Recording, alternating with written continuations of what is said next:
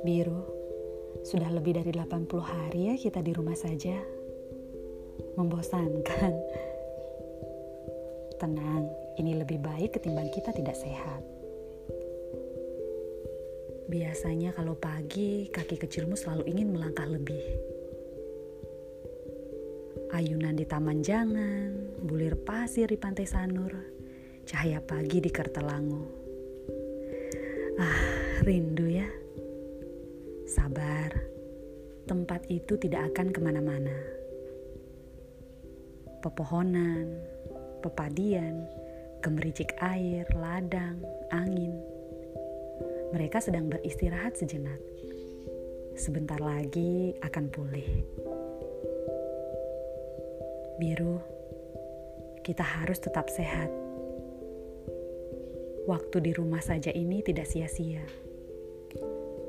Mama dan papa yang biasanya harus ke kantor kini bisa melihatmu tumbuh, tumbuh setiap hari tanpa terlewatkan sedetik pun. Tunggu sebentar ya.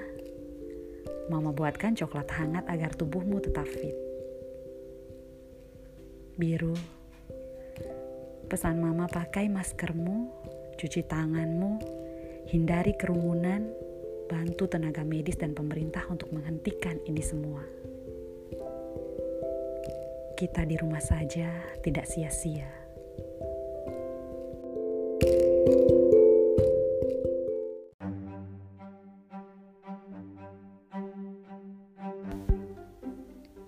Istirahatlah kata-kata.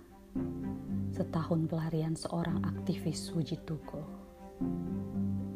Kota Pontianak lengkap dengan segala keterbatasannya menjadi saksi runtuh dan bangkitnya semangat kata-kata lawan. Sebelum reformasi menjelang, kabar Wijitulko hilang tak pernah menjelaskan hilang sekadar tidak muncul atau hilang tertelan sejalah yang kilau. Bahwa demokrasi yang membebaskan kini pernah menawan beberapa orang dalam mewujudkannya. Demokrasi kata yang diperjuangkan penyair Wijituko hingga ia tak pernah bisa melanjutkan hidupnya sebagai ayah Fitri juga Fajar Merah. Istirahatlah kata-kata sejak 1998 itu menjadi pengingat Wijitukul dan 12 aktivis Orde Baru belum pernah kembali di negerinya sendiri.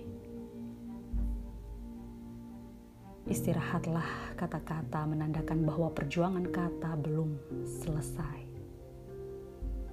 Kata-kata akan bangkit dengan gema yang lebih besar. Kata disertai tindakan akan membuat yang gemar menuduh bisa melihat ke dalam diri mereka sendiri. Istirahatlah kata-kata. Film dengan kata-kata yang minimalis namun berarti bombastis Istirahatlah kata-kata. Perjalanan Wiji Tukul menjadi buronan, menjadi seorang pelarian. Ia yang biasa berburu kata-kata, kini diburu kata-katanya sendiri.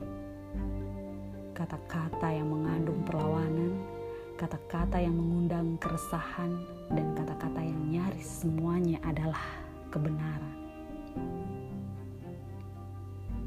Istirahatlah kata-kata. Setting adegan yang dominan kegelapan. Gelap dalam arti sebenar-benarnya. Dalam pelariannya menjadi buron, buronan. Seluruh tempat adalah tentang kegelapan. Gelap sebab listrik belum sepenuhnya memasuki desa-desa. Terang di pusat pemerintahan berbanding terbalik dengan gelap di pedesaan bahkan Pontianak, tempat pelarian Wiji Tukul, saking listrik hidupnya setengah mati, bayi-bayi menjerit tiap menjelang petang.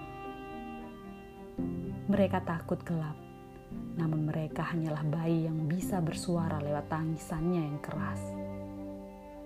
Dan ini sekaligus pengingat bagi Wiji Tukul kepada anak dan istrinya sebelum gelap menjadi hal biasa. Istirahatlah kata-kata, mengajarkan penikmatnya untuk jangan bersembunyi. Sebab menjadi buron lalu bersembunyi adalah melelahkan. Menjadi buron lebih menakutkan ketimbang harus berhadapan dengan musuh bersenjata sekalipun. Menjadi buron selalu kesepian, selalu takut untuk menyatakan jati diri. Untuk apa bersembunyi jika teriakan kata-kata adalah kebenaran? Meski tawarannya adalah mati, menjadi pemberani menjadikan cerita lain seorang Wiji.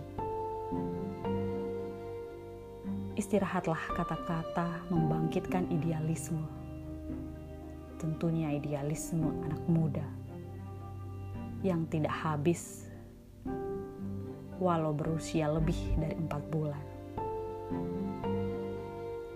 Siapa pun dia, buruh tani, buruh pabrik, mahasiswa, pegawai lurah, ibu rumah tangga, pejabat berdasi, harus memainkan kata-kata sebagai keberanian untuk berjuang. Berjuang untuk merdeka, bukan memandang urusan perut belaka. Istirahatlah kata-kata, bukan melulu tentang wiji tukul, melainkan ada yang getir menahan pilihannya menjadi seorang istri aktivis. Sipon dan kedua anaknya adalah kekuatan wiji selain kekuatan kata-katanya. Sipon merasakan setiap hari adalah ketakutan. Begitu juga wiji tukul. Dikejar, dicecar, dan kapan saja bisa dihajar. Kabar tak menentu sering terdengar, namun kabar yang paling ia tunggu adalah tentang suaminya yang baik-baik saja.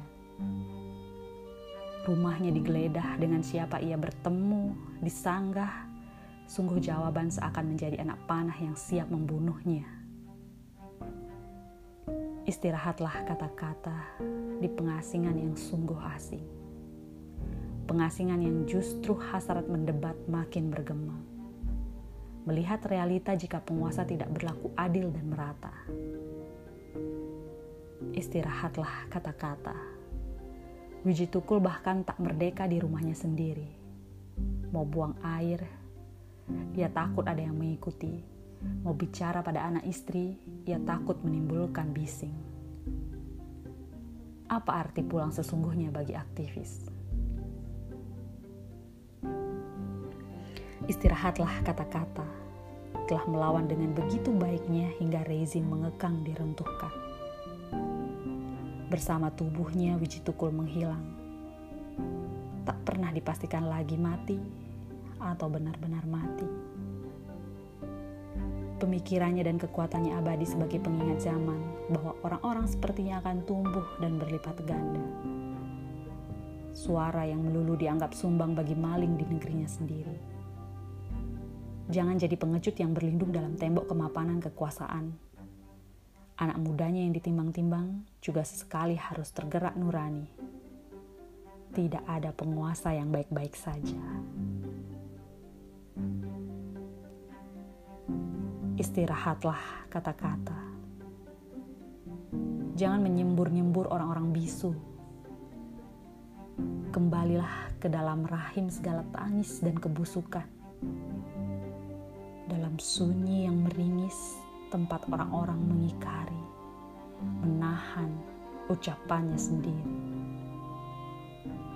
Tidurlah kata-kata, kita bangkit nanti, menghimpun tuntutan-tuntutan yang miskin, papa, dan dihancurkan.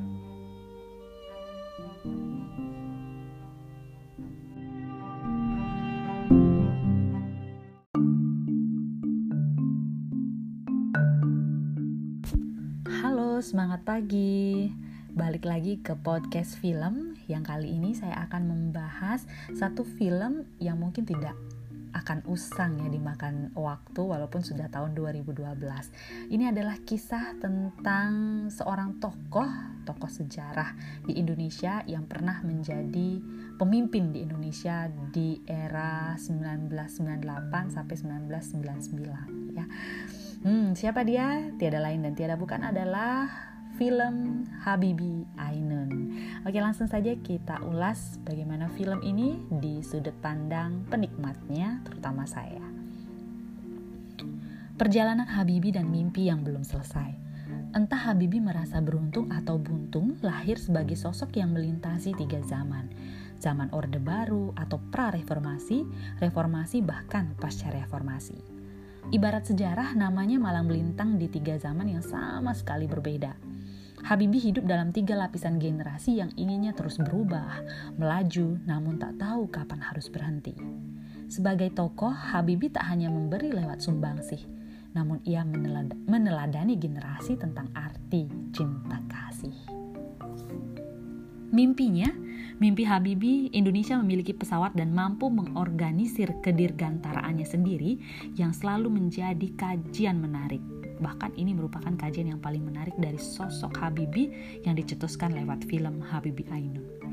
Tak banyak pemimpin yang memiliki ambisi, cita-cita, atau visi sebesar itu untuk mewujudkan apa yang tidak dimiliki dunia, Indonesia mampu memilikinya.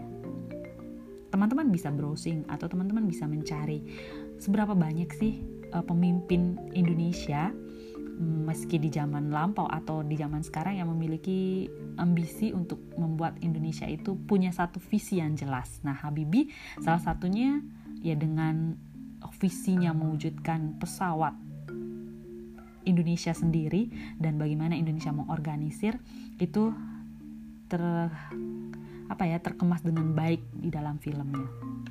Tahun 2012, kisah biopiknya diangkat ke layar lebar. Mungkin masih samar diingin, diingatan generasi muda tentang siapa presiden ketiga Indonesia yang kepemimpinannya hanya sekejap mata. Sekejap mata, satu setengah tahun saja teman-teman. Dan lebih banyak Habibie dihadapkan oleh banyak persoalan, gejolak, hingga kerap nama presiden ketiga pada saat itu timbul tenggelam oleh headline berita yang ketar-ketir mengapa ia tidak memiliki ambisi untuk naik tahta lagi seperti pendahulu-pendahulunya yang bahkan melenggang hingga 32 tahun di istana. Ya, presiden kedua kita ya, siapa lagi kalau bukan Presiden Soeharto. Film Habibie Ainun dalam sequel pertamanya ini dapat membuktikan ke generasi bahwa Habibie pernah menjabat meski begitu singkat. Tentunya banyak kebijakan, banyak arahan yang membuat Indonesia di pasca reformasi itu jauh lebih baik. Tak banyak yang diceritakan dalam film ini tentang bagaimana getir kepemimpinan era yang sungguh bergejolak mulai Mei 1998 hingga lahirnya masa reformasi. Ya, saya sebagai penonton atau penikmat film ingin sekali melihat uh, film ini menyajikan bagaimana sebenarnya peristiwa yang benar-benar pada Mei 1998 itu. Saya sendiri sebagai penikmat film memiliki harapan bahwa film ini mampu menerangkan sebenar-benarnya apa yang terjadi di balik penembakan sekelompok mahasiswa, krisis ekonomi yang melilit, begitu melilit ya, hingga penjarahan tak bertuan, penembakan sekelompok orang, kemudian penculikan, penghilangan paksa yang terjadi di masa kelam. Jika saya baca buku ataupun referensi-referensi yang lain, ya sejarah 1998 ini sama sekali belum terang. Yang ada hanyalah spekulasi ataupun mungkin opini-opini yang juga tidak tidak tahu mana tuannya yang benar gitu ya. Film ini hanya menayangkan bagaimana Habibie hanya tidur sejam per hari demi menuntaskan hal-hal yang belum tuntas pada waktu itu. Habibie dengan kecerdasan di atas rata-rata diyakini mampu mengembalikan Indonesia yang nyaris runtuh. Wah, nyaris runtuh nih ya. Dalam tangkapan kamera, Habibie terekam berpidato dua kali saat ia dilantik dan saat ia memutuskan melepaskan Timor dari Indonesia sebagai jalan kemerdekaan yang harus dipilih dan diberikan pada waktu itu. Yang menarik yang juga tertuang dalam dialog uh, yang disampaikan di film dialog Rudy Habibi dengan temannya yang bernama Lim Kengki kepada Rudy yang kala itu ambisinya masih tinggi bahkan sampai Rudy wafat mimpinya juga belum selesai seperti kita tahu uh, begini perbincangannya kami lihat situasi atau kamu bisa melihat situasi di Indonesia saat ini, Rudy. Orang butuh makan, butuh pendidikan, butuh hidup, bukan butuh pesawat. Hmm.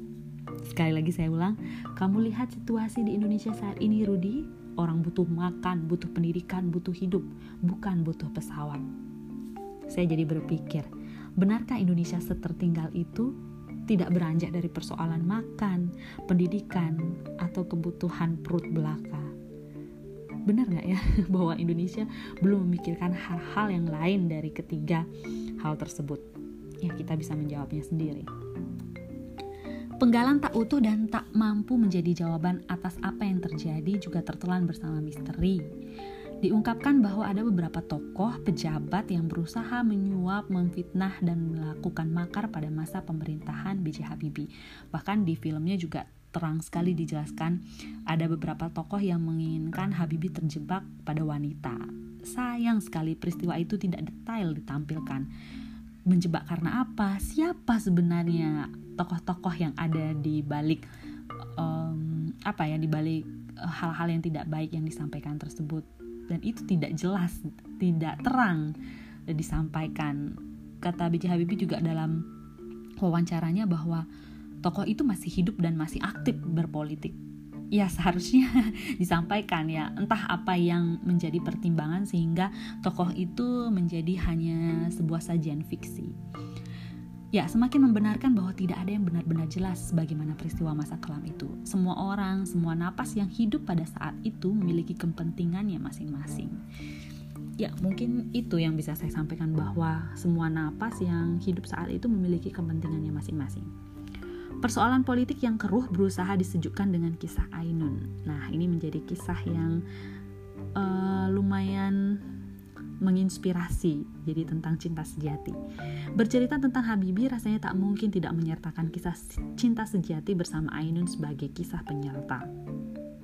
Film ini pun menjadi kisah cinta abadi versi modern, nyata, dan menjadi aset sejarah bangsa. Percintaan yang diawali dengan keinginan orang tua atas pendamping hidup anaknya. Ibu Habibie atau sering disebut di dalam filmnya ya sebagai Rudy. Dalam tokohnya masih memegang adat Jawa atau adat orang Indonesia pada umumnya yang kurang setuju jika anaknya memperistri tanda kutip orang lain gitu ya. Lain suku agama bahkan lain kewarganegaraan itu antipati sekali kalau orang tua pada zaman dahulu. Meski tidak dijodohkan demi menghargai prinsip kemodernan, Ibu Rudi memiliki cara lain agar keinginannya atas menantu pilihannya dapat terpenuhi. Ya, ini pintar jadi ini inspirasi buat orang tua di zaman sekarang yang memiliki kriteria tertentu untuk menjadi calon mantu tapi tidak terkesan memaksakan kepada anaknya gitu ya. Adegan ini menjadi trik dan tips khusus bagi orang tua di zaman modern untuk bisa menyelaraskan selera antara anak dan orang tua khususnya dalam memilih pasangan. Keluarga dan pilihan melekat dalam film ini. Meski zaman belum terbuka kala itu, orang tua Ainun maupun Rudy Habibi tampaknya memiliki pandangan cerdas untuk mendapatkan keinginan mereka. Sekali lagi, jika feeling orang tua sudah memberikan sinyal, itu artinya pertanda Benar saja, karena ingin anaknya Ainun mendapatkan pendamping yang memiliki pandangan jauh ke masa depan, keluarga Ainun mendekatkan Ainun pada masa depan itu. Di antara pilihan-pilihan yang ada pada lelaki orang kaya, anak saudagar, lelaki anak petinggi, anak pejabat. Namun kesemua pilihan itu tampak di keluarga Ainun hanya memiliki masa sekarang, bukan masa depan. Seharusnya pesan ini menjadi makna bagi para orang tua dan anak muda zaman sekarang bahwa dalam memilih pasangan harus punya insting meramal masa depan. Ya, jadi tidak hanya meramal masa sekarang, bahwa meramal masa depan itu menjadi sebuah keterampilan khusus dalam memilih pasangan. Kita lanjut N250 pesawat buatan Rudi Habibie dan buatan asli anak negeri akhirnya berhasil diterbangkan perdana di Bandung 10 Agustus 1995. Ya, ini juga tampil begitu indah di dalam film. Disaksikan secara langsung oleh Soekarno. Ya, kala itu mimpi seorang anak yang kembali ke negerinya sendiri untuk membangun negerinya setelah belajar di negeri orang lain seperti terwujud. Penolakan berulang karena dianggap mengada-ngada akhirnya terpatahkan. Indonesia mampu dan bersiap untuk membuat pesawat sendiri di bawah uh, naungan B.J. Habibie pada waktu itu. Setelah berkenalan dan masuk dalam jajaran pemerintahan, Rudi memahami bahwa yang berdiri sebagai pejabat tak semuanya menginginkan kebaikan. Ya sepertinya itu juga potret uh, pemerintahan di zaman sekarang juga ya bahwa ada kepentingan-kepentingan lain di atas kepentingan bangsa Indonesia itu sendiri. Ya sepertinya semua zaman ada saja ya pejabat-pejabat macam begini gitu. Rudi yang dihujam berkali-kali dengan fitnah, hoax, wanita dijebak, juga ingin digulingkan, akhirnya harus memilih mundur teratur. Pesawat kebanggaannya dan kebanggaan negeri, walau hanya dalam surat kabar yang sebentar menjadi trending, Rudi ditemani Ainun melihat sendiri setiap bagian dari pesawat itu mengarat dan menjadi rumah debu. Nah, ini merupakan satu adegan yang paling menyayat hati gitu ya, adegan paling menyedihkan. Seorang konseptor, seorang yang memiliki cita-cita tinggi untuk negeri yang pernah menjadi pucuk pemimpin tertinggi, tak bisa mewujud nyatakan mimpinya yang nyaris sekali di hadapan uh, mata. Adegan ini semacam pisau bermata dua. Iya, satunya seorang seperti Habibie saja yang kecerdasannya luar biasa belum sepenuhnya bisa mewujudkan mimpinya. Nah, mungkin bagi orang-orang yang uh, sedang down seperti itu merasakan bahwa film ini bisa menjadi hal yang negatif gitu. Melihat bahwa Habibie saja yang wah kecerdasannya sudah luar biasa masih belum bisa mewujudkan mimpinya. Tapi ada juga sisi positifnya bagi mereka yang memiliki mental baja. Bisa jadi generasi muda bangkit setelah adegan ini. Seorang Rudi Habibie dengan kecerdasan yang luar biasa saja pernah gagal. Nyaris berhasil. Jadi wajar jika ada atau saya atau anak muda yang lainnya gagal berkali-kali. Tugas kita selanjutnya adalah bangkit untuk kesekian kalinya. Benar kan? Tentang keikhlasan, perjuangan, kesabaran, cinta kasih hampir sempurna disampaikan dalam film ini. Benar kata filsuf bahwa di balik laki-laki yang berpengaruh terhadap perempuan di belakangnya yang tangguh. Itulah Ainun, mengembara di negeri asing dengan modal yang ketat, Rudi dan Ainun saling melengkapi. Keduanya percaya pada mimpi di suatu hari akan jadi nyata kita bisa menemukan jawaban atas pertanyaan yang paling menguatkan untuk cinta sejati itu apa? Apa sebenarnya? Jadi kemampuan untuk bertahan baru bisa disebut cinta sejati ya. Bertahan di segala musim, bertahan di segala arena dan lain sebagainya. Ainun, seorang istri, dokter, teman, sahabat juga tukang pemberi obat bagi Rudi yang mengalami sakit. Kesetiaannya menjalankan semua itu membuatnya lupa bahwa ia juga harus melawat lukanya ya karena kan ibu Ainun difonis menderita kanker rahim Luka itu adalah kanker ovarium yang akhirnya membawanya menjadi satu-satunya perempuan di hati Abibi. Dalam tiga zaman, Ainun adalah sosok yang tidak mungkin disesali Rudi. Dalam tiga zaman itu, Ainun adalah alasannya untuk kembali. Habibi dan mimpinya yang belum selesai kini diteruskan dan dihidupkan di sekolah. Kalau sekarang dengar guru melantunkan motivasi kepada anak-anaknya pasti uh, terselip kisah Habibi dan ambisi membangun pesawat yang tak lekang oleh waktu bahkan zaman. Pesawat buatan Habibi dan anak negeri lainnya semoga bisa diteruskan dan mengudara sepanjang zaman. Pikiran-pikiran yang baik harus diteruskan, jangan sampai penguasa negeri hanya mewariskan luka, otoriter, ketakutan, kecemasan, apalagi hoax. Satu kutipan yang menarik dari film Habibi Ainun, tanpa cinta kecerdasan itu berbahaya. Tanpa kecerdasan cinta itu tidak cukup. Dari yang abadi dan selamat abadi, abadi juga untuk Habibi Ainun. Ya, demikian review film Habibi Ainun bisa Anda saksikan uh, lagi ya pemutarannya di TVRI ataupun bisa nanti request di program belajar dari rumah untuk bisa menyaksikan film-film berkualitas lainnya. Nantikan juga review di podcast review film tentunya. Sampai jumpa dan semoga terinspirasi. Selamat apa ya menjalankan cinta sejati dan tentu ya cinta sejati yang terinspirasi oleh kisah Habibi Ainun.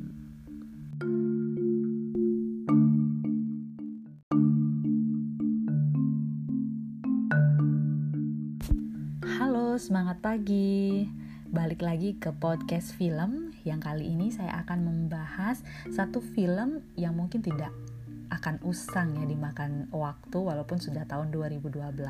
Ini adalah kisah tentang seorang tokoh, tokoh sejarah di Indonesia yang pernah menjadi pemimpin di Indonesia di era 1998 sampai 1999 ya.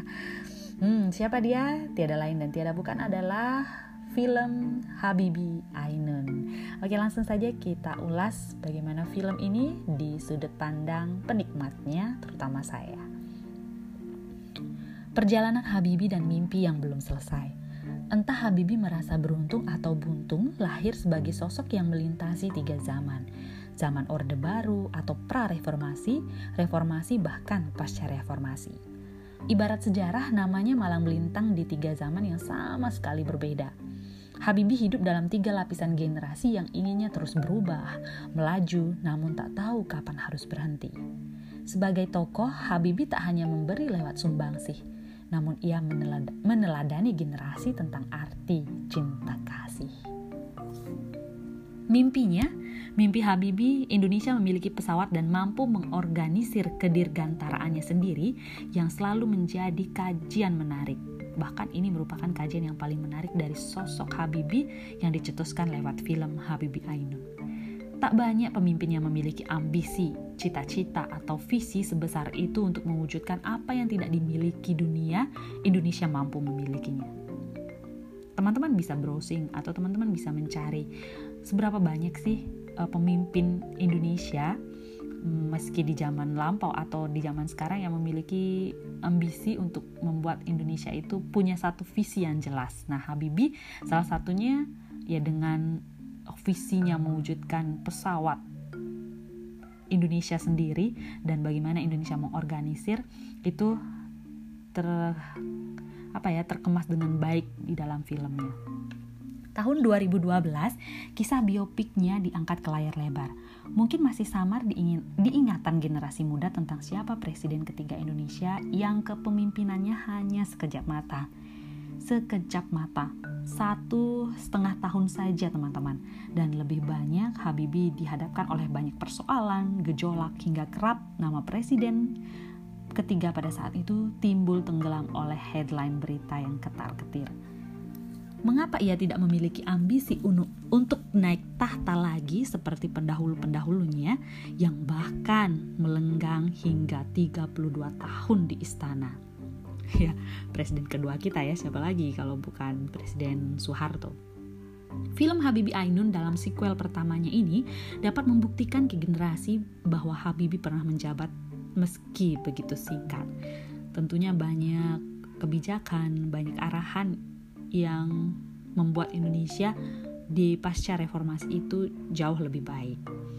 Tak banyak yang diceritakan dalam film ini tentang bagaimana getir kepemimpinan era yang sungguh bergejolak mulai Mei 1998 hingga lahirnya masa reformasi. Ya, saya sebagai penonton atau penikmat film ingin sekali melihat uh, film ini menyajikan bagaimana sebenarnya peristiwa yang benar-benar pada Mei 1998 itu.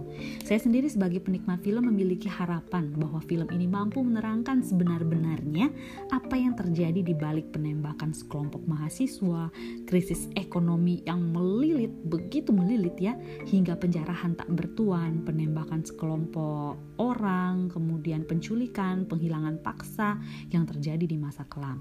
Jika saya baca buku ataupun referensi-referensi yang lain, ya sejarah 1998 ini sama sekali belum terang. Yang ada hanyalah spekulasi ataupun mungkin opini-opini yang juga tidak tidak tahu mana tuannya yang benar gitu ya. Film ini hanya menayangkan bagaimana Habibie hanya tidur sejam per hari demi menuntaskan hal-hal yang belum tuntas pada waktu itu.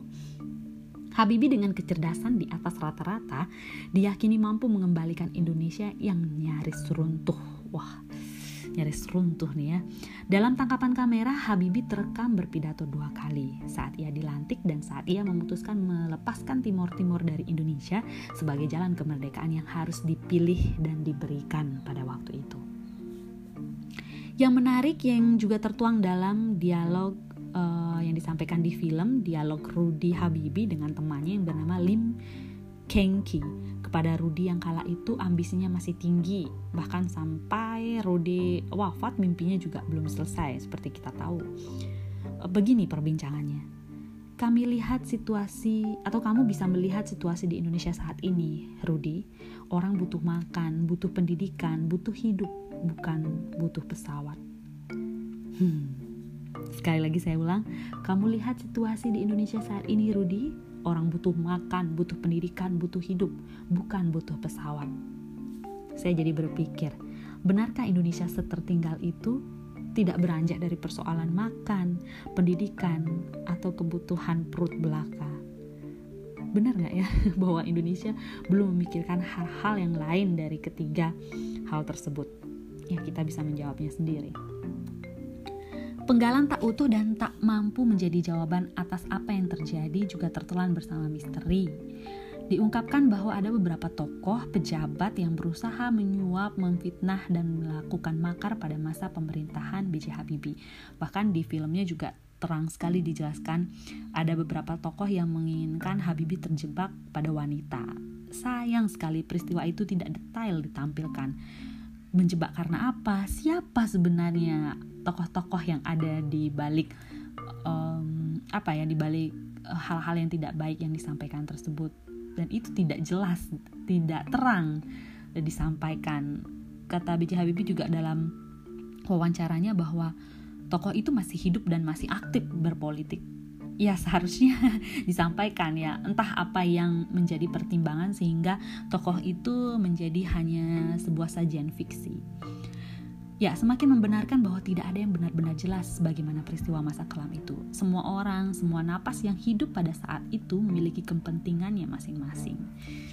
Ya, mungkin itu yang bisa saya sampaikan bahwa semua napas yang hidup saat itu memiliki kepentingannya masing-masing. Persoalan politik yang keruh berusaha disejukkan dengan kisah Ainun. Nah, ini menjadi kisah yang uh, lumayan menginspirasi jadi tentang cinta sejati. Bercerita tentang Habibie rasanya tak mungkin tidak menyertakan kisah cinta sejati bersama Ainun sebagai kisah penyerta. Film ini pun menjadi kisah cinta abadi versi modern, nyata, dan menjadi aset sejarah bangsa. Percintaan yang diawali dengan keinginan orang tua atas pendamping hidup anaknya. Ibu Habibie atau sering disebut di dalam filmnya ya sebagai Rudi dalam tokohnya masih memegang adat Jawa atau adat orang Indonesia pada umumnya yang kurang setuju jika anaknya memperistri tanda kutip orang lain gitu ya lain suku agama bahkan lain kewarganegaraan itu antipati sekali kalau orang tua pada zaman dahulu Meski tidak dijodohkan demi menghargai prinsip kemodernan, Ibu Rudi memiliki cara lain agar keinginannya atas menantu pilihannya dapat terpenuhi. Ya, ini pintar. Jadi ini inspirasi buat orang tua di zaman sekarang yang memiliki kriteria tertentu untuk menjadi calon mantu tapi tidak terkesan memaksakan kepada anaknya gitu ya. Adegan ini menjadi trik dan tips khusus bagi orang tua di zaman modern untuk bisa menyelaraskan selera antara anak dan orang tua khususnya dalam memilih pasangan. Keluarga dan pilihan melekat dalam film ini. Meski zaman belum terbuka kala itu, orang tua Ainun maupun Rudi Habibi tampaknya memiliki pandangan cerdas untuk mendapatkan keinginan mereka. Sekali lagi, jika feeling orang tua sudah memberikan sinyal, itu artinya pertanda Benar saja, karena ingin anaknya Ainun mendapatkan pendamping yang memiliki pandangan jauh ke masa depan, keluarga Ainun mendekatkan Ainun pada masa depan itu. Di antara pilihan-pilihan yang ada pada lelaki orang kaya, anak saudagar, lelaki anak petinggi, anak pejabat. Namun kesemua pilihan itu tampak di keluarga Ainun hanya memiliki masa sekarang, bukan masa depan. Seharusnya pesan ini menjadi makna bagi para orang tua dan anak muda zaman sekarang bahwa dalam memilih pasangan harus punya insting beramal masa depan. Ya, jadi tidak hanya beramal masa sekarang, bahwa beramal masa depan itu menjadi sebuah keterampilan khusus dalam memilih pasangan. Kita lanjut N250 pesawat buatan Rudi Habibie dan buatan asli anak negeri akhirnya berhasil diterbangkan perdana di Bandung 10 Agustus 1995. Ya, ini juga tampil begitu indah di dalam film. Disaksikan secara langsung oleh Soekarno.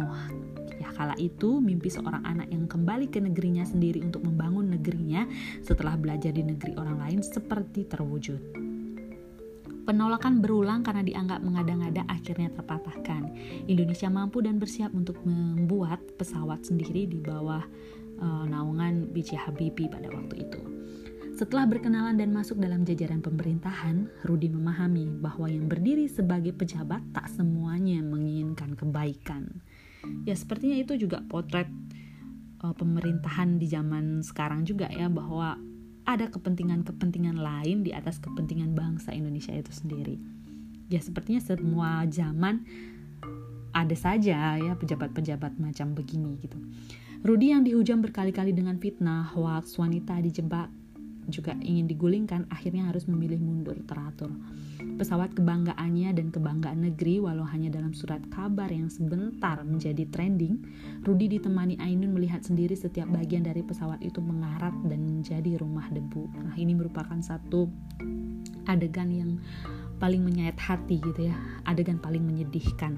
Seorang konseptor seorang yang memiliki cita-cita tinggi untuk negeri yang pernah menjadi pucuk pemimpin tertinggi tak bisa mewujud nyatakan mimpinya yang nyaris sekali di hadapan uh, mata. Adegan ini semacam pisau bermata dua. Iya, satunya seorang seperti Habibie saja yang kecerdasannya luar biasa belum sepenuhnya bisa mewujudkan mimpinya.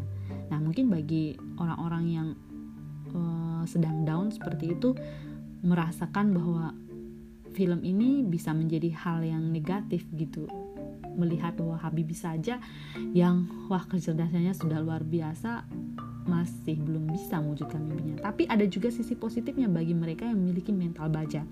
Bisa jadi generasi muda bangkit setelah adegan ini. Seorang Rudi Habibie dengan kecerdasan yang luar biasa saja pernah gagal. Nyaris berhasil. Jadi wajar jika ada atau saya atau anak muda yang lainnya gagal berkali-kali. Tugas kita selanjutnya adalah bangkit untuk kesekian kalinya. Benar kan? Tentang keikhlasan, perjuangan, kesabaran, cinta kasih hampir sempurna disampaikan dalam film ini. Benar kata filsuf bahwa di balik laki-laki yang berpengaruh terhadap perempuan di belakangnya yang tangguh. Itulah Ainun, mengembara di negeri asing dengan modal yang ketat, Rudi dan Ainun saling melengkapi. Keduanya percaya pada mimpi di suatu hari akan jadi nyata kita bisa menemukan jawaban atas pertanyaan yang paling menguatkan untuk cinta sejati itu apa? Apa sebenarnya? Jadi kemampuan untuk bertahan baru bisa disebut cinta sejati ya. Bertahan di segala musim, bertahan di segala arena dan lain sebagainya. Ainun, seorang istri, dokter, teman, sahabat juga tukang pemberi obat bagi Rudi yang mengalami sakit. Kesetiaannya menjalankan semua itu membuatnya lupa bahwa ia juga harus melawat lukanya ya karena kan ibu Ainun difonis menderita kanker rahim Luka itu adalah kanker ovarium yang akhirnya membawanya menjadi satu-satunya perempuan di hati Abibi. Dalam tiga zaman, Ainun adalah sosok yang tidak mungkin disesali Rudi. Dalam tiga zaman itu, Ainun adalah alasannya untuk kembali. Habibi dan mimpinya yang belum selesai kini diteruskan dan dihidupkan di sekolah. Kalau sekarang dengar guru melantunkan motivasi kepada anak-anaknya pasti uh, terselip kisah Habibi dan ambisi membangun pesawat yang tak lekang oleh waktu bahkan zaman. Pesawat buatan Habibi dan anak negeri lainnya semoga bisa diteruskan dan mengudara sepanjang zaman. Pikiran-pikiran yang baik harus diteruskan, jangan sampai penguasa negeri hanya mewariskan luka, otoriter, ketakutan, kecemasan, apalagi hoax. Satu kutipan yang menarik dari film Habibi Ainun, tanpa cinta kecerdasan itu berbahaya. Tanpa kecerdasan cinta itu tidak cukup. Dari yang abadi dan selamat abadi, abadi juga untuk Habibi Ainun. Ya, demikian review film Habibi Ainun bisa Anda saksikan uh, lagi ya pemutarannya di TVRI ataupun bisa nanti request uh, di program belajar dari rumah untuk bisa menyaksikan film-film berkualitas lainnya. Nantikan juga review di podcast review film tentunya. Sampai jumpa dan semoga terinspirasi. Selamat apa ya menjalankan cinta sejati dan tentu ya cinta sejati yang terinspirasi oleh kisah Habibi Ainun.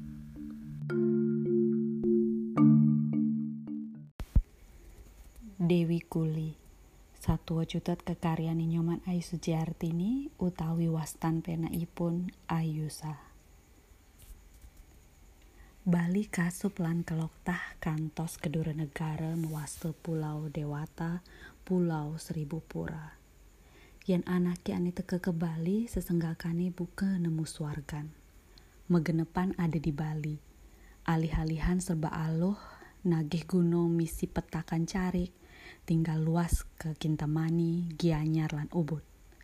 Nagih pantai pamisi toko luas ke Kute utawi Sanur. Yening dot tekian pebalihan lan adat luas ke Gumi Seni Gianyar lan Karang Asem. Mekejang tentang Bali sube pada nawang. tongos aneh di leki-leki ini masih enggal terkenal karena ada di Bali. Rame anak ngai tongos merupa resort, villa, kafe, lane lenan. Sing ada jani ane ngugu, cari lan tegalan ane menghasilkan. Melomba-lomba petani ini ngadep tanah apang manyi cipin dadi nak sugih ulian ngadep tanah tanah warisan perebutine padahal orang ini teken leluhur nih apang sing adepe. Anggap pemunyi nak mati sing kal ngenen. Yang penting tanah-tanah warisan metukar aji umah minimalis, mobil, lanyi dayang meplesiran. Kal ngujang ngubuin tegalan, paling agat man anggo meli uyah jak biu duang ijas. Sisane bekan petani nih pait utang utang dini ditu ane ngerana yang petani sing tain sugih beg-beg ngeraras sayan ngelacurang toleh jani DJ ada petani medasi.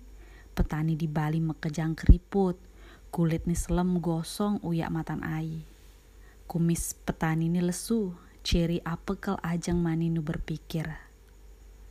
Ken-ken panaki masuk mani mayah SPP lan ken-ken carane merainan ajak menyamu beraya DJ yang pipis. Sing ada petani na petang limani kedas.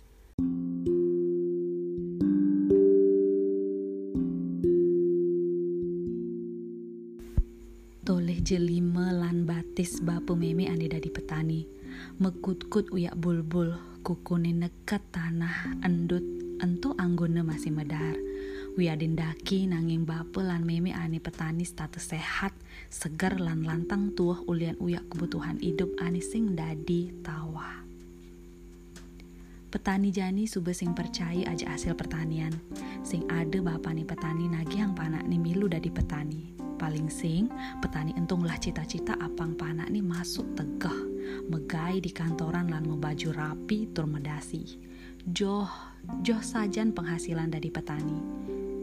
Kapining orang ngelah cari hektar-hektaran sing ada anak muda jani ani nagih dadi petani.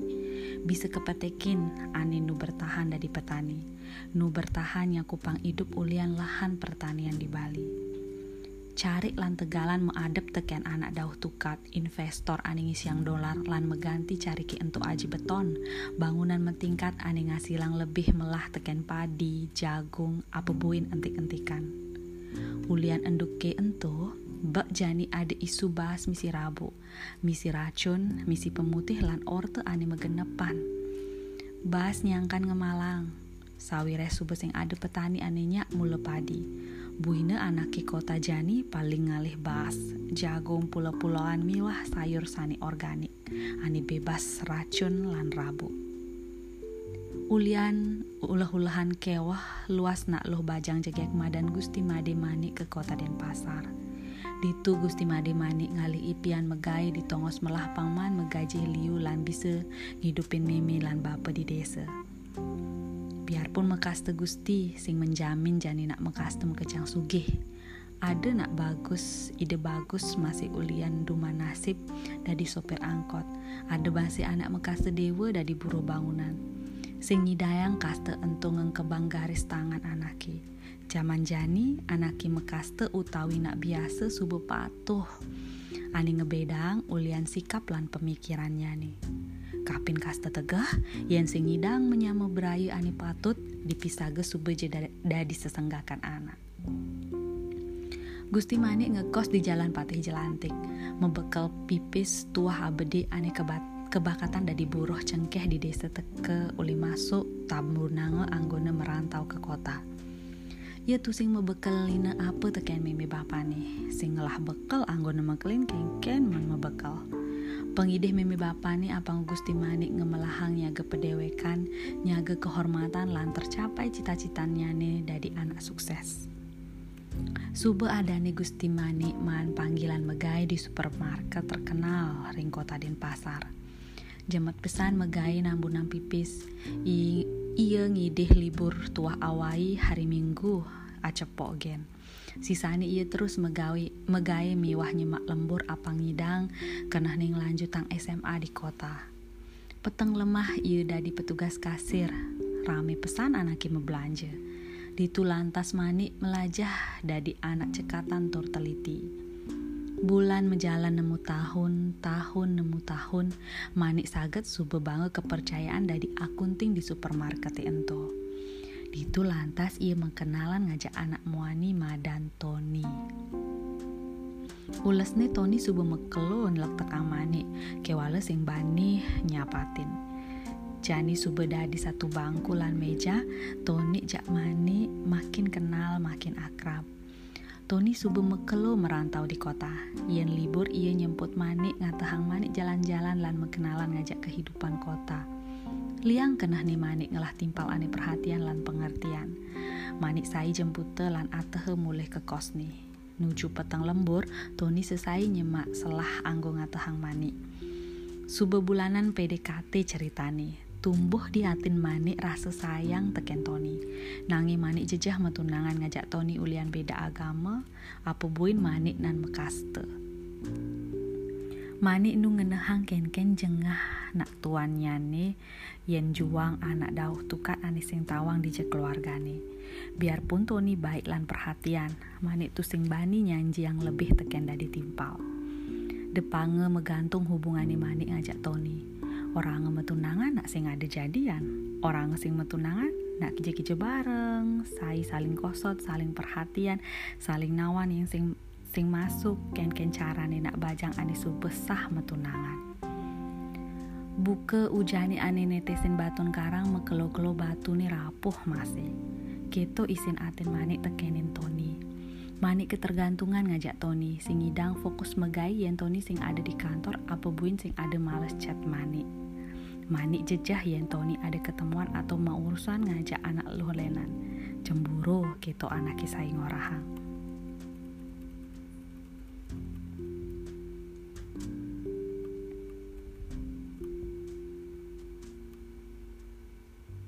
Manik ngantos-ngantos Tony ngorahang tresne lan ngeremesin hubungane ento. Sai manik me sesimbing apang Toninya ngorahang tresne kewale pancingan manik sing tain ngenen. Pasrah manik keranda Tony anak muani sing peka gitu orang. Kal kengken pejalan hubungane neton Tony ane sing bisa membahasa Bali nyautin petakon mani anji bahasa Indonesia.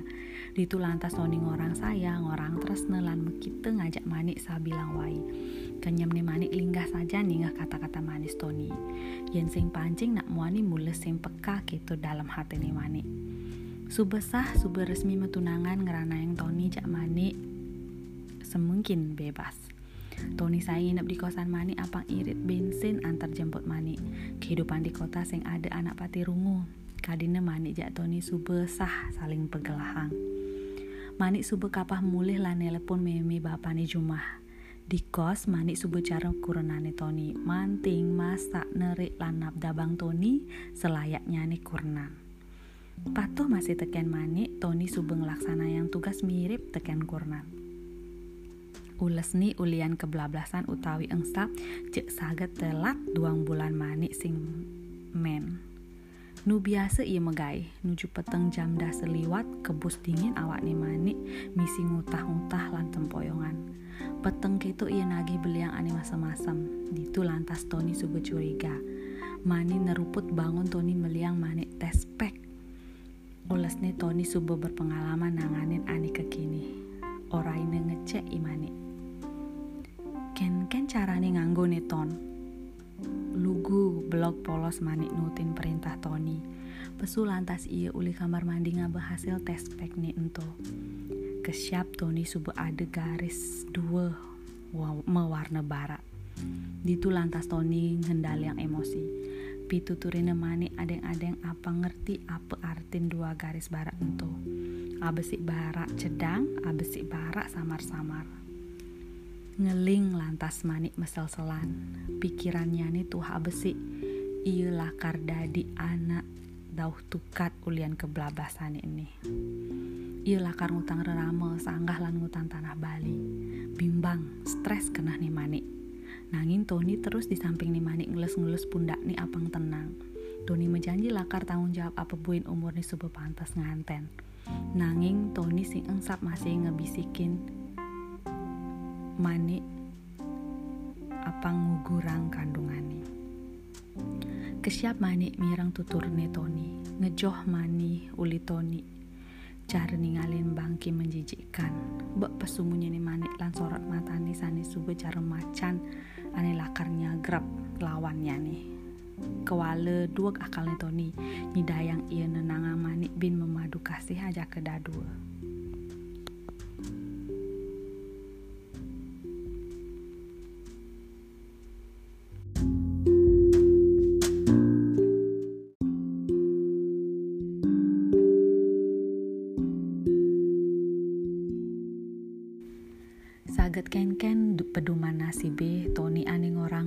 Jawa lakar ngidih restu sube duang bulan sing nengok-nengok muncul junguh nih. Kabar sing ada, timpal di supermarket ngorang Tony sube sut megai, manik paling ngali alamat lah nomor telepon Tony kewale sing nepukin unduk. Sekadi ngarepang angin mebading Tony sing lakar nyak tanggung jawab yen unduki ke kini. Ye sube man manis janji ampas nih manik ane nampedang apa lakar gaya buen yen hidup sing lanjut jalanin. Manik sube beling gede, iya sube sing bangga megai ngajak bosne, karena bosne nawang manik sing tain nganten cak be lagot beling. Manik sing masih bani cerita ento panak pegai nih Tony, sebet kena nih manik. Kini dari anak kota nih bebas, pas liang sing hitungan apa, sube sebet tepuk kini tuah penyesalan ane gelahang. Subenyat ya peninggalan ngelingin nasib. Nyen kal salahang. Widine. Mani terus ngutuk pedewekan. Ia harus kuat ngelekadang lansing ngebebani mimi bape. Apa ya gai ane nyidang jemak lakar jemak kejak mani untuk ngidupin panak nih. Sube duang tiban mani hidup dari single parent. Panak nih juga mirip katijak mani untung sing ada nyuang paundukan nih Yan keto amat teh sakit hati nih manik sabilang nepuk panak nepukin lawat nak muani ani sing bertanggung jawab mentu keginani manik jani dari kuli bangunan. Kuli bangunan? Nyidayang anak luh dari kuli bangunan. Nema dan pilihan hidup ani jemah ke gen manik. Kegain ani ngasilang per hari nyidayang anggona meliang panak nih isin basang ia metepuk ajak keginan itu sing sengaja. Pidan waktu beling gede ada anak nulungin mani. Ditu lantas ia mekingsan hidup. Olah sine pangidang makan jak ngelahirang pianaknya nih. Bu Made ada nih. Sing ada hubungan darah, sing ada kenal nanging Bu Made tuare berarti nulungin mani ani tuare ento. Bu Made ingat teken padewekannya nih ane patuh merantau ulin siang lah apa buruh ngajak anak kan tidak di kuli bangunan luh pertama di kota. Ulian jemet megai dadi Dewi Kuli, Bu Madi nyidayang beli pondok atebih anggun mengkap uli hujan, angin, wiadin, benutang. Subuh satu setengah tiban mani ajakin mau buruh ngajak Bu Madi. Ditu ia megai borongan dari kuli bangunan. Ada neng empat puluh anak loh ane megai dari kuli bangunan ada ane ulian dari pengayah jani subuh menek tingkat dari kuli. Dini loh loh Bali ini termasuk mani ane nam pedang hidup di kota bisa bertahan jangai basang warak. Ngadukang luluh nyemen ngabe genteng ne, negen batako subedadi pemandangan lumrah. Baju kuliluh Bali khas nganggo celana gopiok meaduk baju lengan panjang metopi apang saru ngajak panes matan ai Mani awal ngeling-ngeling megai kasar kekini, nanging tuntutan hidup ngerana yang sing ada pilihan len. Dini sube dewi kuli mepunduh, di tengah gegai ni ani uyak bu itu nunyi dayang pekedek pekenyung nuturang nasib. Meli nasi bungkus cak es mambo gitu tuturan anake. Nima dan kesetaraan gender kegai nak muani jani nyidayang jema kerja anak loh. Nangi apa mekejang gai nak loh nyidayang jema nak muani beling lekadang nyonyoin apa ke bisa anak muani ngejalanin kodrate ento? Kuli bangunan muani jak kuli bangunan loh saling bersaing. Kadang-kadang bos bangunan berangti ngajak kuli bangunan loh karena anggap pesing lakar meraga tanggai menyit demen ngeluh lan pekan bisi orte Nanging peguyuban Bu Madi sing keto mekejang lima pundu itu megaya profesional. Pantes nih gaya peragat abulan, abulan embuh hawai sube peragat. Pegai ini rapi jemet lan kalah cara bangunan buruh bangunan animuani. Nanging sing mengejang anake enggal ngugu pegain Dewi Kulini ini. Mekejang butuh proses, wiadin harus bayahani mudah dimalu, yang penting panak jaibani nyida yang makan. Yen kuli bangunan anak muaniman upah 150 ribu, ane lo upahine 120. Padahal pegaine patuh, tuyuhne patuh, nanging bos-bos sing ada nawang ken-ken Dewi kulini nanang ya peninggalan kalaine ngajak kurnan, bebanin tanggung jawab hidup. Nak lo Bali mula terkenal kuat-kuat, mekuli kanti bulbul, muani ane mulus kanti misi flek-flek selem, bibih ni kepit nanang panas gumi, nunyi dayang rawat panak, nyayain panak tanpa kerunan bin misi menyamu brayi lan tugas-tugas andilenan. Bajun Dewi Kulini sing adelenan mebu parfum, parfum matahari. Setiap ada borongan rame-rame peguyuban Dewi Kuli ngaukin timpal-timpal nih apa yang bertahan hidup. Ditu lantas man eduman pegai lan rezeki. Sing ada ani ngeluh mekejang megai patuh cara kuli bangunan anilenan. Ditu mekejang Dewi Kuli ngajak panak nih ani nu cerik-cerik sawireh sing ada ani ngempung panak Dewi Kuli suba akrab teken ebuk bias tanah endut luluh ditumelah pejalan bidini. Tawa ngekewa aliani bange panak-panak ani sehat ceteng kuat yadin kapah ani ajang-ajangan bergisi apa buin madan susu. Panak Dewi Kuli sing dadi sakit. Yang sakit ilang pebelin bas bisa aminggu mekente yang ngutang nyan anaknya nguntangin Dewi Kuli ani hidup nih sing jelas kewalu patut bangga jak nak lo bali sing tain leha-leha.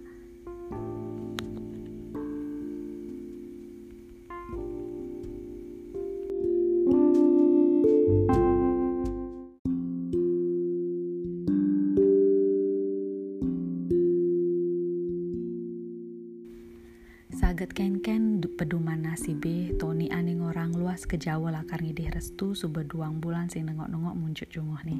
Kabar sing ada timpal di supermarket ngorang Tony suba sut megai manik paling ngali alamat lan nomor telepon Tony kewale sing nepukin unduk. Sekadi ngarepang angin membading Tony sing lakar nyak tanggung jawab yen unduki ke kini Ye subeman manis janji ampas nih manik ane pedang apa lakar gaya buin yen sing lanjut jalanin. Manik sube beling gede, iya sube sing bangga megai ngajak bosne, kerana bosne nawang manik sing tain nganten cak be lagot beling. Manik sing masih bani cerita ento panak pegai nih Tony, sebet kena nih manik. Kini dadi anak kota nih bebas, pas liang sing hitungan apa, sube sebet tepuk kini tuah penyesalan ane gelahang. Subenyat ih peninggalan ngelingin nasib. Nyen kal salahang. Widine. Mani terus ngutuk pedewekan. Ia harus kuat ngelekadang lansing ngebebani mimi bape. Apa ya gai ane nyidang jemak lakar jemak kejak mani untuk ngidupin panak nih. Sube duang tiban mani hidup dari single parent.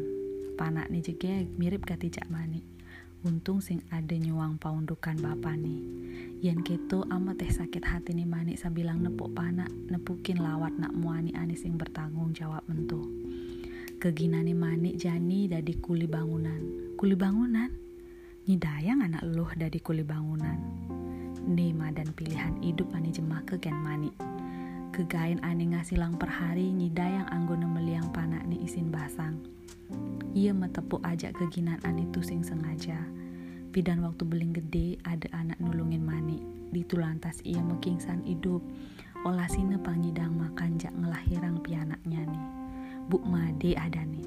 Sing ada hubungan darah, sing ada kenal nanging Bu Made tuara berangti nulungin mani ani tuara ento.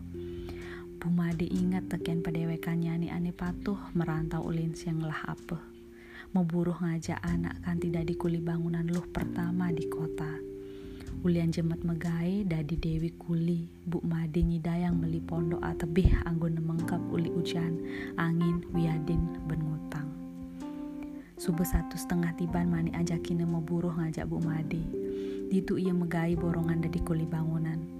Ada neng empat puluh anak loh ane megai dari kuli bangunan ada ane ulian dari pengayah jadi subuh menek tingkat dari kuli.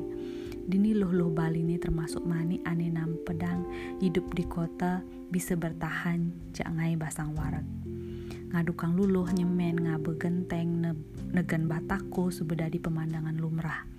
Baju kuliluh Bali khas nganggo celana gopiok meaduk baju lengan panjang topi apang saru ngajak panas matan ai Mani awal ngeling-ngeling megai kasar kekini, nanging tuntutan hidup ngerana yang sing ada pilihan len. Dini sube dewi kuli mepunduh, di tengah gegai ini ane uyak bu itu nunyi dayang pekedek pekenyung nuturang nasib. Meli nasi bungkus, cak es mambo, gitu tuturan anake.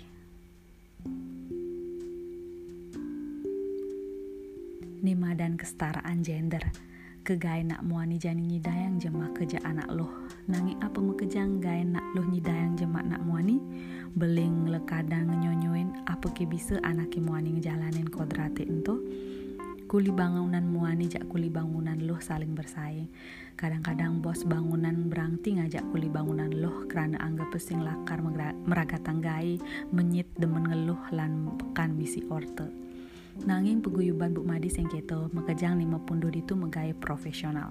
Pantes nih gaya pragat abulan, abulan embuh hawai sube pragat. Pegai ini rapi jemet lan kalah cara bangunan, buruh bangunan animuani. Nanging sing mengejang anake enggal ngugu pegain Dewi Kulini ini. Mekejang butuh proses, wiadin harus bayahani mudah dimalu, yang penting panak jaibani nyidayang makan. Yen kuli bangunan anak muaniman upah 150 ribu, aniluh upah ini 120. Padahal pegawai patuh, tuyuh nih patuh, nanging bos-bos sing ada nawang ken-ken Dewi kulini nanang ya peninggalan kalain ngajak kurnan, bebanin tanggung jawab hidup. Nak lo Bali mula terkenal kuat-kuat, mekuli kanti bulbul, muani ane mulus kanti misi flek-flek selem, bibih ni kepit nanang panas gumi, nunyi dayang rawat panak, miayain panak tanpa kerunan bin misi menyamu berayi lan tugas-tugas anilenan bajun Dewi Kulini sing ada lenan mebu parfum parfum matahari. Setiap ada borongan rame-rame peguyuban Dewi Kuli ngaukin timpal-timpal nih apa yang bertahan hidup. Ditu lantas man eduman pegai lan rezeki sing ada ani ngeluh mekejang megai patuh cara kulit bangunan anilenan Ditu mekejang Dewi Kuli ngajak panak nih ani nu cerik-cerik sawireh sing ada ani ngempung Panak Dewi Kuli suba akrab tekan ebuk bias tanah endut luluh ditumelah pejalan bidini. Tawa ngekewah aliane bange panak-panak ani sehat ceteng kuat yadin kapah ani ajeng-ajengan bergisi apa buin madan susu. Panak Dewi Kuli sing dadi sakit, yang sakit ilang pebelin bas bisa aminggu mekente. Yang ngutang, nyan anaknya nguntangin Dewi Kuli ani hidup nih sing jelas. Kewalu patut bangga jak nak lo bali sing tain leha-leha.